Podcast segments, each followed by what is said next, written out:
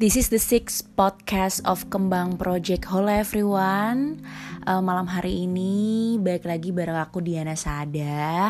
Aku mau uh, sharing tentang beberapa hal uh, yang apa ya? Mungkin karena hashtag dari kembang project adalah sembuh dan tumbuh. Ini kemarin ada satu materi bagus.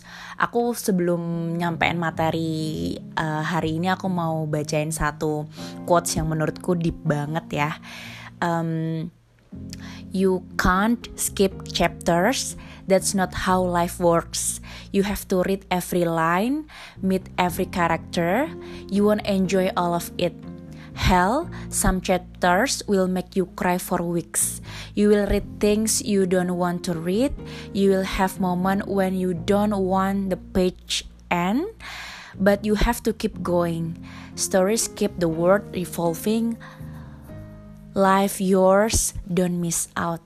Oke, okay, jadi uh, pas banget hari ini aku mau mau coba sharing sih uh, tentang the five stage of grief atau lima tahap kesedihan. Jadi sebenarnya uh, kesedihan ini salah satu bentuk emosi ya uh, di di psikologi sedih sendiri tuh um, kalau dari KBBI artinya adalah perasaan sangat pilu dalam hati yang menimbulkan rasa susah. Sementara dari perspektif psikologi, Goldman itu bilang bahwa emosi kesedihan itu timbul pada diri individu disebabkan oleh keadaan suasana hati yang sedih, suram, pedih, muram, melankolis, mengasihani diri, kesepian, ditolak, putus asa, dan depresi berat. Nah, uh, sebenarnya sedih itu merupakan uh, hal yang wajar dialami oleh individu. Kalau uh, ini ada hal yang menarik banget nih, misalnya kayak kemarin tuh teman-teman ada yang cerita ke aku ngalamin beberapa hal yang gak ngenakin di COVID-19, kehilangan orang-orang yang disayangi karena coronavirus. Nah ini uh, secara psikologi itu ada lima tahapan dalam dalam kesedihan nih teman-teman. Jadi mungkin teman-teman bisa coba telaah, coba resapi kira-kira oh, aku kalau lagi sedih tuh ngalamin ini ini ini loh gitu ya. Jadi tahapan yang pertama ini denial guys. Denial ini adalah tahapan penyangkalan atau penolakan di mana individu tidak menyang tidak uh, menerima, jadi kayak menyangkal bahwa hal buruk telah terjadi. Kita biasanya berpura-pura bahwa feeling ini pretend to be okay atau tidak terjadi apa pun sehingga kita pada tahap ini tuh menolak kesedihan. Misalnya kayak uh, pada coronavirus gini kita uh, dapat kabar bahwa ada saudara kita yang meninggal. Nah itu wajar banget kayak awal-awal kita tuh nolak. Atau misalnya kayak kita uh, dapat kabar bahwa kita di PHK dari kerjaan atau misalnya berita-berita yang duka itu awalnya kita wajar banget kita denial. Kemudian yang kedua ini fase anger. Fase anger ini adalah fase masih menolak kesedihan tapi kita itu uh, dalam bentuk marah ya. Jadi anger ini wajar banget. Saat marah kita itu cenderung untuk menyalahkan orang lain atau benda mati di sekitar kita. Ini proses yang wajar banget pada saat sedih atau grieving ya uh, dari dari denial terus marah itu proses yang yang yang yang wajar kita lewati. Nah, kalau udah marah nih, biasanya setiap orang tuh beda-beda fase marahnya. Itu masuk ke fase bergaining.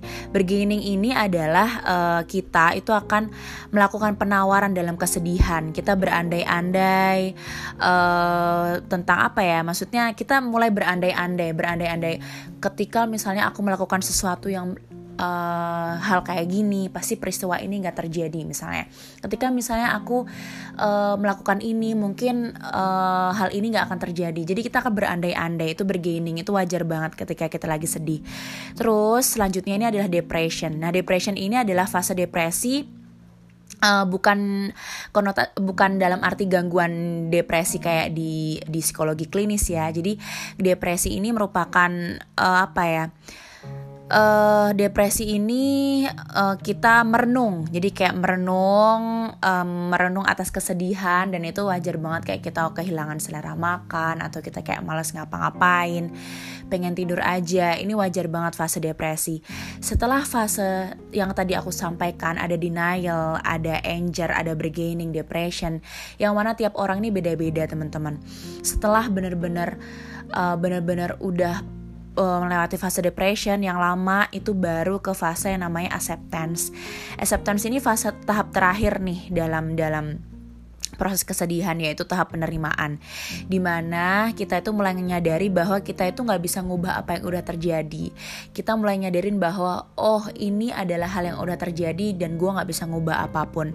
Kita mulai sadar bahwa kita harus ngelanjutin hidup uh, bukannya berlarut kayak gitu. Jadi kayak misalnya tentang coronavirus, oke okay, kita kesedih sedih uh, kehilangan seseorang, kita ngelewatin tadi fase um, fase denial, anger, bargaining, depression sampai yang terakhir acceptance. Acceptance tuh bener-bener kayak kita bisa oke okay, uh, hal ini terjadi dan dan dan aku menerima apa yang sudah terjadi, aku ikhlas itu proses yang benar-benar panjang teman-teman. Jadi ketika teman-teman ngalamin kesedihan proses lima tadi itu beda-beda. Jadi kalau menurutku ketika misalnya kamu lagi sedih take your time nggak apa-apa jujur sama diri sendiri. Marah dulu nggak apa-apa sedih dulu nggak apa-apa dan tiap orang tuh beda-beda. Kamu nggak bisa maksa diri kamu oke aku harus nangis cuma dua hari aja habis itu nggak no gitu. Fase fase denial angry bargaining depression orang tuh beda-beda guys. Jadi buat teman-teman yang lagi nggak nyaman atau ngadepin sesuatu yang sedih atau yang di luar ekspektasi teman-teman just take your time enjoy your feeling. Mau sedih mau nangis dulu nggak apa-apa. Ketika kamu benar-benar udah ready kamu accept everything, coba buat ikhlas dan oke, okay, I'll move on. Itu akan lebih enak sih gitu ya. Jadi uh, good luck for you guys. Uh, aku harap semuanya dalam keadaan baik dan stay safe, stay health. Sampai jumpa di podcast Kembang Project selanjutnya. Thank you.